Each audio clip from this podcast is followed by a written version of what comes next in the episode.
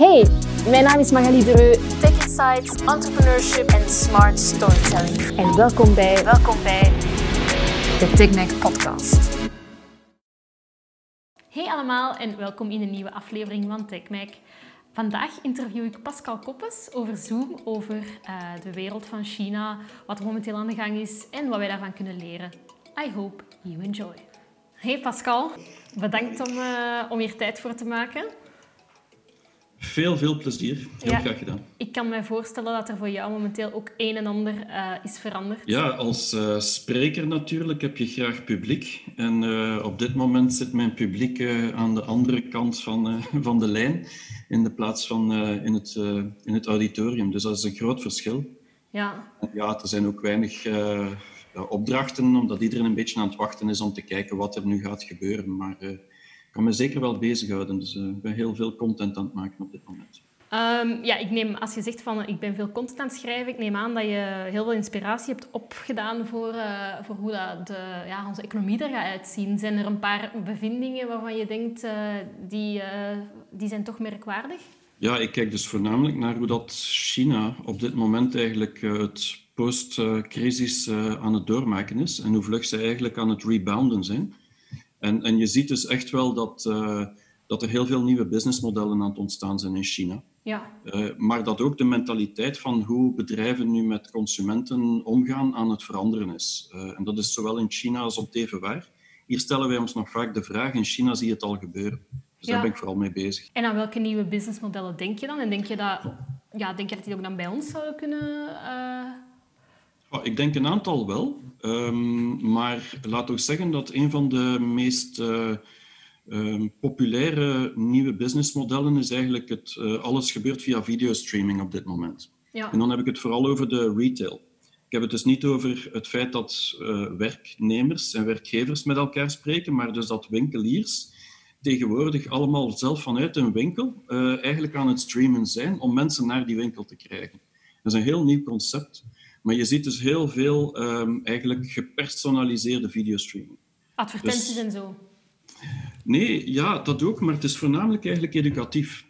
Het, het, is voornamelijk een soort training, bijvoorbeeld zoals we nu gezien hebben bij fitness en zo. Er zijn winkels die bijvoorbeeld sportkledij uh, verkopen, die gaan dan in ene keer fitness uh, uh, advies gaan geven of gaan zeggen hoe dat je dat best kunt gebruiken en hoe dat je prijsvergelijking kunt doen en zo verder. Dus er is heel veel educatief uh, aan het gebeuren. Als, als extra laag uh, voor die consument uh, vertrouwen te geven van dit is toch wel een, een retailer waar ik iets aan heb. Ja, dus er ja. is een, een, nieuwe laag aan het komen. Ja. ja, ik vind dat heel interessant dat je dat zegt, dat vertrouwen, want dat heerst daar mm. toch wel echt. Hè? Blindelingsvertrouwen in de overheid, blindelingsvertrouwen in de bedrijfswereld. op dat vlak zouden wij daar toch wel wat van kunnen leren, of bekijk ik dat te zwart-wit? Oh, ik denk dat um, het vertrouwen van Chinezen in bedrijven niet anders is dan bij ons. Ik denk zelf dat wij nog meer vertrouwen hebben in bedrijven dan Chinezen. Maar bij de overheid is dat omgekeerd. Dus zij hebben veel meer vertrouwen in een overheid dan wij. En dat heeft een stukje te maken natuurlijk met het feit dat uh, het regime er kan voor zorgen dat die bedrijven eigenlijk mooi in de pas lopen als het moet. Ja. Dus, uh, en dus uh, als ze moeten dus dingen doen of niet mogen bepaalde dingen doen, dan kan de overheid ingrijpen. Terwijl wij vaak moeten debatteren wat kan en wat niet kan, kunnen ja. zij heel vlug ingrijpen. Daarom hebben zij veel vertrouwen in die overheid, omdat ze juist kunnen ingrijpen. En toch nog altijd de overheid, allez, je mag het noemen hoe, dat we, hoe dat je wilt, maar uiteindelijk ergens een socialistische uh, insteek heeft, of een sociale insteek heeft, en toch wel de bevolking of de, de zwakkeren wil proberen beschermen. En voor vele mensen is dat wel belangrijk. Ja, en, en um, want ik moet dan onmiddellijk denken aan het feit dat we bijvoorbeeld vijf ministers uh, hebben voor uh, de uh, contact tracing. Terwijl in China wordt er met apps gejongleerd, dat het niet meer normaal is. Um, ja. Bewijst dit hoe innovatief ja, ja. zwak we eigenlijk staan tegenover zo'n wereldspeler? Zeker op, op vlak van gebruik van applicaties en, en het digitale leven in China staat echt wel jaren voor op wat wij hebben. Wij zijn een stukje eigenlijk benadeeld geweest door het feit in Europa dat wij geen grote spelers hebben, zoals een, een Google en een Facebook. Maar ook dat privacy en andere uh, regel, regelgeving eigenlijk ons een stukje vertragen in beslissingen te nemen om zowel de bevolking achter ons te krijgen als de, de regelgeving achter ons te krijgen. Ja. En China is daar veel vlugger in gegaan. Uh, en dus uh, eigenlijk voor de crisis, en ik denk dat dat nu duidelijk geworden is met de crisis, voor de crisis waren de Chinezen eigenlijk al gewoon om gezondheidsapplicaties te gebruiken elke dag. Ja. Terwijl hier, ja, wij, hoogste stelden wij om stappen, maar dat was het ook het enige wat wij deden. Maar in China had ja, 80% van de mensen die in een grote steden woonden, die hadden al een health-applicatie, een gezondheidsapplicatie. Ja. En dus was maar één stap verder om dan eigenlijk naar uh, die test en die analyses voor COVID-19 dan eraan toe te voegen. Dat was eigenlijk gemakkelijk. Ja, en als, je, als we naar de toekomst kijken, want ja, ik, ik merk heel veel... Ik ben ook mee op inspiratiereis een keer geweest naar, uh, naar China. Uh, niet met Nextworks, sorry. um, en toen heb ik ook wel gezien dat heel veel ja, Belgische startups op vlak van hardware kunnen ze echt wel veel leren van die Chinezen. Uh, alleen het samenwerken, ja, dat blijft toch moeilijk gezien de, de, de kloof in cultuur alleen al. Denk je dat zoiets door, de, ja, door de crisis dat dat nog, nog, nog feller zal zijn? Dat er een soort van nog grotere verdeeldheid ontstaat? Dat denk ik wel, ja. Ik, uh, ik denk dat het, uh, dat het alsmaar moeilijker zal worden om met China samen te werken. Uh, niet alleen omwille van China, maar ook omwille van het beeld die wij van China hebben vandaag. Ja, daar sprak ik met jou al over. ja, dus, dus ja, het is, het is gewoon een, een, een groot wantrouwen die gecreëerd is. Dat, dat is eigenlijk al twee, drie jaar bezig. Hoor. Dat is echt begonnen met de handelsoorlog, twee jaar terug. En dan is dat meer eigenlijk geëscaleerd. Het is vooral vanuit Amerika begonnen. Ja. Uh, Hongkong heeft daar zeker geen goed aan gedaan. Uh, de dingen wat er in het westen van China gebeurt ook niet. Dus er zijn heel veel eigenlijk problemen geweest die uh, heel sterk uitvergroot geweest zijn en daardoor een sterk wantrouwen gecreëerd hebben. De, de, de, discussie over de mensenrechten bijvoorbeeld in ja. Hongkong is, is een heel mooi voorbeeld waarbij dat, de hele wereld eigenlijk pro-Hongkong was en niemand eigenlijk het verhaal van China nog wou aanhoren ongeacht juist of niet juist, het was, het was vrij eenzijdig vanuit de westerse media, ook vrij eenzijdig vanuit de Chinese media. Ja. En dus de realiteit is dat we eigenlijk meer en meer wantrouwen hebben gecreëerd. En uh, door die crisis die uiteindelijk in China ontstaan is, uh, of toch de eerste case is in China ontstaan, zijn er heel veel mensen in de wereld die nu eigenlijk China een stukje de schuld geven van uh, dat COVID-19-virus. En dat geeft natuurlijk geen extra vertrouwen aan de maatschappij. Ja. Ik heb daar natuurlijk een ander beeld over, omdat nee. ik de beide, de, beide, de beide verhalen hoor. Ik vind het ze... super interessant wat je zegt. Zeker ook die vergelijking met, met, met Hongkong. Omdat hm. ja, in 2018 ben ik met mijn vriendin naar Hongkong geweest. En een dag ging ook naar Shenzhen. En die ervaring dat was voor mij echt bevreemdend. Ik vond Hongkong vond ik al... Ja, vond ik, ik vond het boeit raar hoeveel gekke voeding er in het buffet uh, was. Maar dat was dan het enige dat een beetje raar was. Maar dan gingen we Shenzhen binnen, werd ik aan de douane werd ik gefouilleerd, gecontroleerd. En ik werd daar echt hard aangepakt, dat weet ik ook nog. En, en, en ja, ik was super bang. En die waren mij ook precies zo aan het uitdagen. Die keken zo heel lang naar mij en ook heel doordringend. En dan, ja, voor de rest weet ik nog dat, dat, we, dat we iets gingen eten. En dat, ik had op voorhand heel stom eigenlijk. Hè. Ik had WeChat niet, uh, niet geïnstalleerd. En ik zei, ja, maar ik heb hier een betaalkaart, hè, jongens. Ik wil hier gewoon eten kopen. En die waren mij bij wijze van spreken... Allee, niet bij wijze van spreken, in mijn gezicht aan het uitlachen. Um, en jij denkt van die kloof, dat gaat alleen nog maar groter worden. Ja, um, omdat... Laat ik zo zeggen, uh, nu, uw ervaring met China binnen te komen is waarschijnlijk vrij uniek uh, vanuit de journalistiek perspectief. Ik heb nooit die ervaring gehad en ik denk dat de meeste businessmensen eigenlijk vrij vlot door China's douane geraken. Journalistiek is iets anders, dat is ja. iets moeilijker. Um, en daar geef ik u volledig gelijk in dat het heel bevreemdend is. Ja. Uh, zeker omdat jij eigenlijk een stukje binnenkomt uh, in een land waar je toch verwacht van, ja, die gaan mij toch ontvangen op een of andere, andere manier. Maar China op dat vlak is wel zeer protectionistisch. Ja. Nu, wat, uh, wat de rest betreft, ja, uh, betalen met kaart, ja, dat is inderdaad, er is geen Chinees die nog uh, met een creditkaart betaalt. Er zijn er nog, maar heel weinig. Alles is nu digitaal en mobiel geworden. Discrepantie dus ja, als... is enorm, hè? zeker als je hier... Dat is heel groot, ja. Ik zit hier in Brussel en er zijn heel veel restaurants en heel veel uh, partijen uit de horecasector die gewoon op de schop gaan gaan, omdat die, een, die bijvoorbeeld een zwarte kassa, daar kan je enkel cash betalen. Dat, hm. dat zijn, ja, ik vind dat echt, dat zijn zo grote contrasten. Ik ja, vind dat het verschil is enorm geworden. De laatste jaren heb ik dat echt gezien. En, en je kan het vergelijken, het is alsof dat wij nu dat jij mij zou vragen om, om alles via een faxmachine te sturen. Dat is een, beetje hoe dat Europa tegenwoordig tegenover China uh, zich aan het uh, veranderen is. En dat is gewoon de, de, de bevolking heeft gewoon dat mobile payment als een manier gezien om vlug vooruit te gaan. Ja. En iedereen was heel mobile gericht al. En ze hebben dat heel vlug gedaan, ook omdat ze een aantal stappen hebben overgeslagen die wij hebben moeten traagjes van het een naar het andere gaan. Hebben zij heel vlug naar mobile gegaan. Ze hebben nooit echt met PC gewerkt of, of met laptop. Ja. Ze zijn direct naar mobile gegaan. Denk je dat er op bepaalde vlakken zijn waar wij echt eh, buiten algemene digitale, maar concreet waar we dingen van kunnen, kunnen leren? Uh, zeker als je kijkt naar hoe snel dat zij bijvoorbeeld het virus te lijf zijn gegaan. Ja, goh, ik heb er een, een heel boek over geschreven. Dus uh, ik denk dat, uh, dat ja, uh, volgens mij is er enorm veel te leren van China. Gewoon de manier van aanpakken, maar ook de manier van organisatie, de snelheid, de, de schaal uiteraard, maar het ongelimiteerd denken. Het durven denken in, in termen van concurrentie, wat wij vaak proberen niet te doen. Wij denken eerder van, we zijn allemaal uniek. Zij denken van, wij zijn allemaal gelijk, maar we moeten winnen. Ja. Uh, het, het, denken in termen van samenwerken, omdat we alleen samen uh, eigenlijk iets kunnen realiseren, want anders overleef je het niet in een markt als China. Maar dat is wel Dus dubieus, hè? Dat samenwerken versus we moeten kijken hoe we toch wij uh, het verschil kunnen, kunnen maken als concurrent. Bovendien, de schaal is daar ook vele malen groter, hè? Ja, maar als ik het heb over samenwerken, dan heb ik het voornamelijk over samenwerken binnen China. Hè? Dus Ja, Chinezen onder elkaar. Uh, Chinezen met buitenlanders samenwerken, dat gaat ook.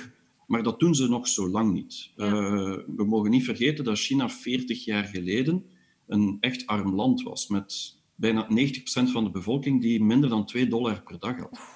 Dus dat is een, een gigantische verandering. Nu heeft China de grootste middenklasse ter wereld. Uh, bijna een half miljard mensen. Die dus eigenlijk allemaal het leven hebben van, die wij hebben in West-Europa of in Amerika. En dus er is een enorme sprong gemaakt. En dus er zijn een aantal generaties. Uh, wat wij normaal 25 jaar hebben, is dat in China zo vijf jaar. Om de vijf Ja. jaar heb je, een, heb je een nieuwe generatie. En dus de jonge Chinezen van vandaag zijn veel gelijker aan ons dan wij denken. Het probleem is dat wij vaak, als we kijken naar China, dan kijken we naar bedrijven zoals een Huawei of een Lenovo. Of, ja, dat, zijn, dat zijn bedrijven die al 40, 30 jaar bestaan. En die hebben nog een andere DNA en die hebben een andere structuur. Maar er zijn vele China's. Ja. En, en ik denk dat we niet zozeer moeten leren van die oude garde, maar vooral van de laatste vijf à tien jaar, de nieuwe Chinezen die zich eruit gevonden hebben.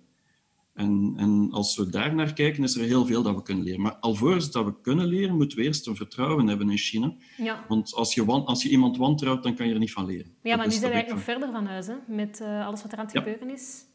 Ja, maar ik denk dat we nu ehm, heel duidelijk dat er bepaalde mensen zich gaan wegtrekken uit China en eigenlijk niks meer er willen mee te maken hebben.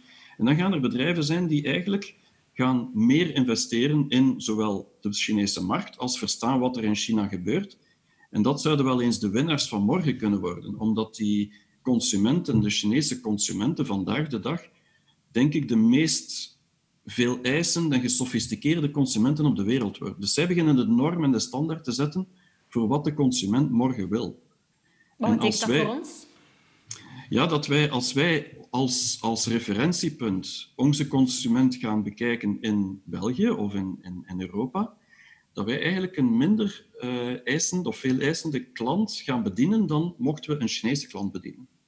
Dat betekent dat wij eigenlijk minder gaan innoveren, omdat die minder nood gaat hebben aan die snufjes en het laatste Ja. dat beschikbaar is. En dat gaat inderdaad eh, een verschil uitmaken.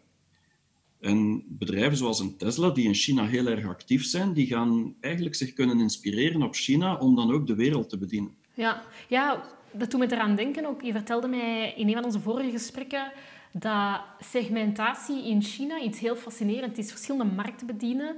Dat een niche in België, ja, of een niche zelfs in Europa, dat je dat niet kan vergelijken met een niche in China, omdat er zoveel verschillende bevolkingslagen zijn. Hoe zie je dat Ja. evolueren? Ja, China is enorm groot, dus zo groot als Europa. Ehm, eigenlijk ook zo divers als Europa. Maar binnen elke stad of elk gebied heb je dan al die generaties die ook anders bediend moeten worden. Dus, dus ik, ik zie dat als een enorm rijk eigenlijk gegeven. De markt die continu beweegt, geeft ook opportuniteiten. Ja, En, en dus ik vind dat een positief gegeven aan die markt. Het negatieve eraan is natuurlijk dat concurrentieel zeer moeilijk is. Want je moet, als je niet vlug verandert, dan, dan blijf je steken in iets wat iemand niet meer wil. En de Chinezen zijn gewoon geworden om heel vlug te schakelen. En, en dat is het voordeel die zij gehad hebben in de, in de crisis, is dat zij heel vlug geschakeld zijn van, van oude naar nieuwe concepten en heel vlug eigenlijk durven denken aan wat wij nu het nieuwe normaal noemen. Uh, alhoewel dat ik meer het gevoel heb dat de meeste mensen terug naar het oude normaal wilden met een paar aanpassingen. Ja, iedereen spreekt wel van dat wij ons gaan moeten veranderen. Uh, maar als je kijkt, uh, we mogen nu voor de eerste twee dagen gaan winkelen. Ik, uh, ik heb het gevoel dat mensen nog altijd terug hunkeren naar dat, hetgeen dat er altijd al geweest is. Ja. en in China is het ook wel enigszins zo, maar het is niet dat ze allemaal naar die winkels gesprongen zijn om terug te gaan kopen. Je voelde dat dat digitaal is blijven hangen. Ja, ik las dat ook in Humo. Hè. een vrouw, een, een, reporter in China, en die zei van de lockdown was voorbij. En um, de Chinezen zeiden blijkbaar, en ik kan hen daar echt in volgen, van ja, maar wij gaan toch nog twee weken langer thuis blijven. Die voorzichtigheid. Terwijl hier is het zo... Als, als er wordt gezegd van uh, maximaal duizend personen aanwezig op een evenement, gaan ze er 999 uitnodigen. Ja. Is dat iets wat een Europeaan typeert?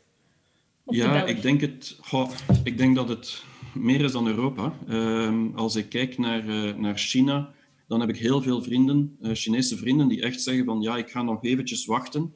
Uh, ik draag nog altijd mijn masker. Ik vind het vreemd als iemand zijn masker niet draagt.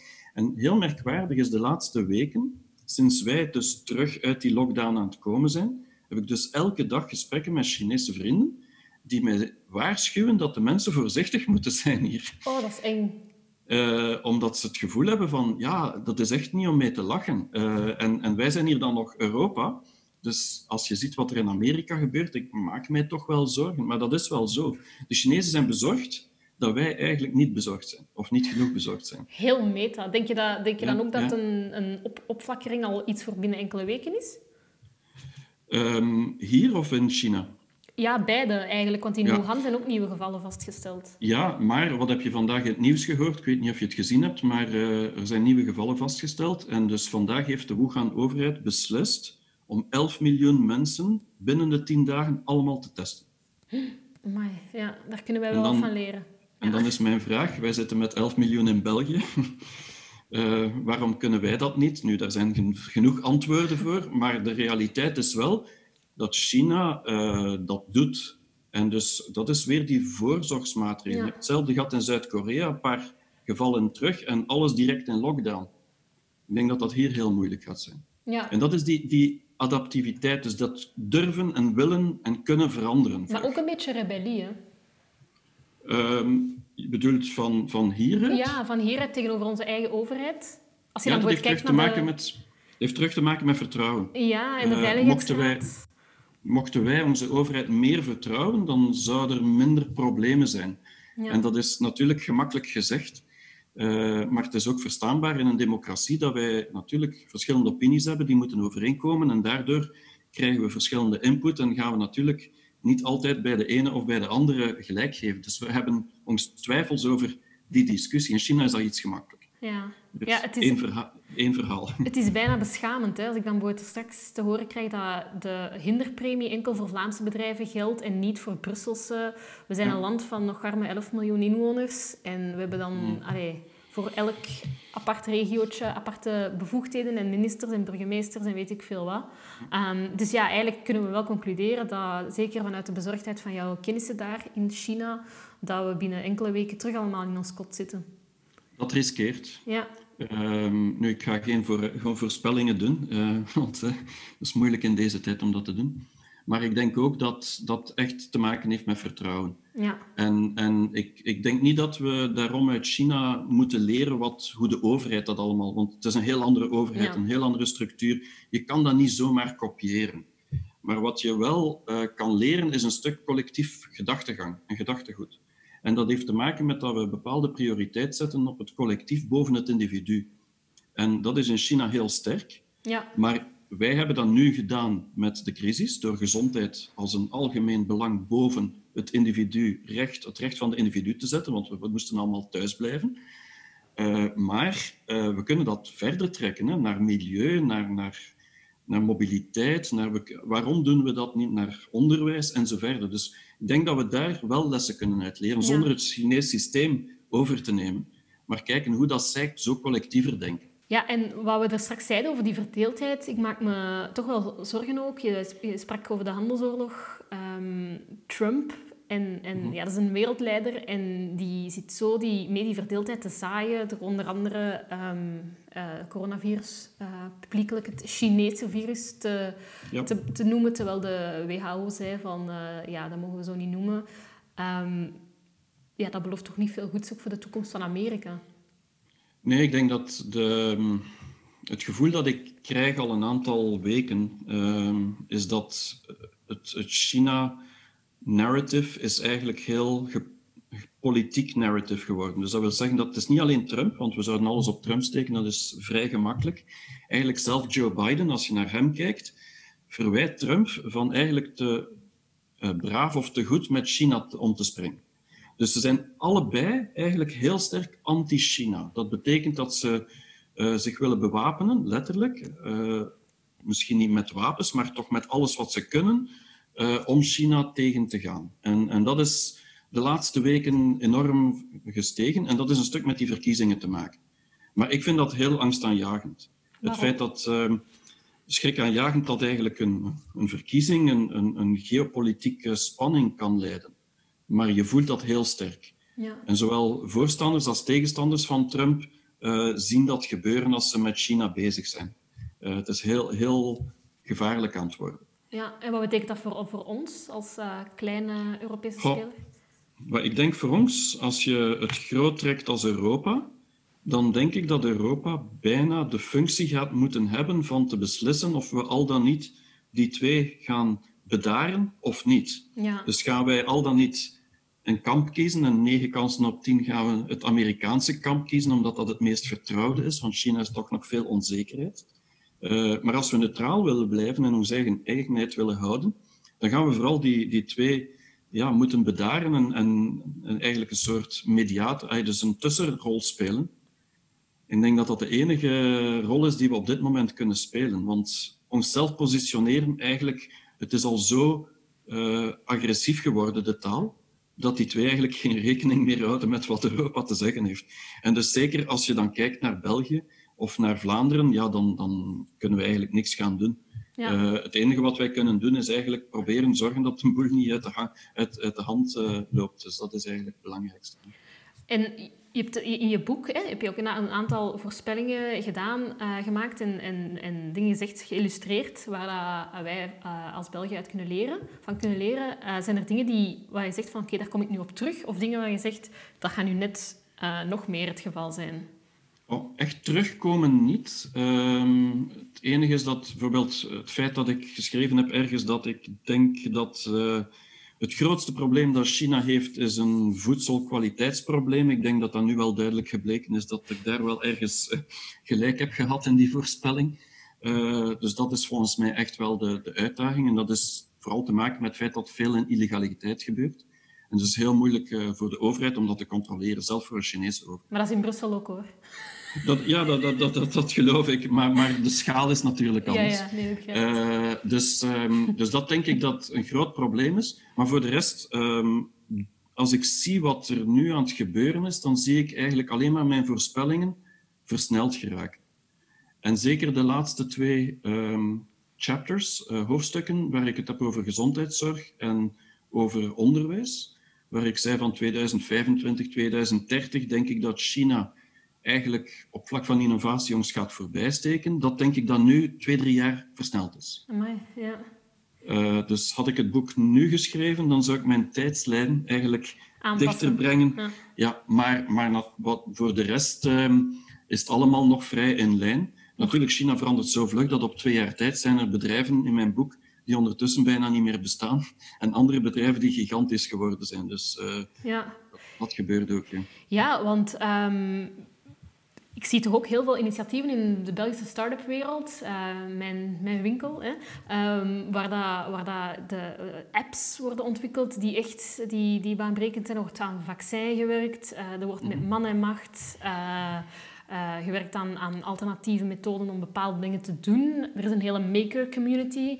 Ehm, is het dan echt... Allee, zijn wij dan, doen wij het dan zoveel slechter dan China? Voor mij is dat een... een... nee, toen ik terugkwam naar België, dat is nu ondertussen al iets langer dan drie jaar terug, uh, was ik eigenlijk heel aangenaam verrast van de start-up community in België. Want ik, heb erin gezeten zelf als ondernemer in China. Dus ik, ik dacht van ja, dat, iedereen ligt hier te slapen, maar dat was helemaal niet het geval. Uh, dus ik was eigenlijk heel aangenaam verrast. De, het enige wat ik voel dat um, eigenlijk de zwakte is, als ik het zo mag zeggen, van, van, van de community hier, is dat we te traag internationaal denken. Ja. En, en China is zo groot dat ze niet moeten internationaal denken, dus ze denken direct groot. Uh, wij denken te lokaal vaak. Dat, dat vond ik toch wel een, een grote uitdaging. Uh, daarnaast uh, werken wij ook niet genoeg samen, vind ik, als start-ups met grotere bedrijven. Ja.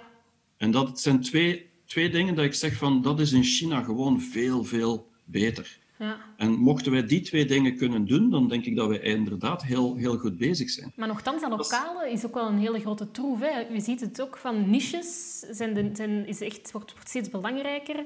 Uh, wil je een kleine vis zijn in een grote vijver of een grote vis in een kleine vijver? Um, zie je daar ook dan geen potentieel in? Ja, maar er is een verschil tussen een niche en lokaal zijn. Uh, Je kan een hele niche product doen en bijvoorbeeld Nike als klant hebben. Uh, dat noem ik heel internationaal zijn. Of je kan een heel niche product hebben en de, de beenhouwer achter de hoek als klant hebben. Uh, de ene heeft een, een, eigenlijk een, een expansie en de andere niet. Dus de ene kan u eigenlijk op een, op een platform brengen die iedereen ziet. En ik denk dat dat, dat het heeft niet te maken met een marktniche. Het heeft te maken met wat is uh, de, het echo-effect dat dat bedrijf heeft. Ja. Ah ja, ja. ja, want ik zie, ik zie daarachter ja, ook allemaal Chinese verwijzingen. Heel mooi allemaal. Waar komt jouw passie voor China eigenlijk vandaan? Ja, ik ben uh, oh, lang, lang geleden, in 1988, uh, eh, ben ik uh, Chinees beginnen studeren op de Universiteit van Gent. Sinologie, ja. Dus ik ben sinoloog. ik heb daarnaast nog iets van handelsingenieur ook gedaan. Dus ik heb ook een business mind.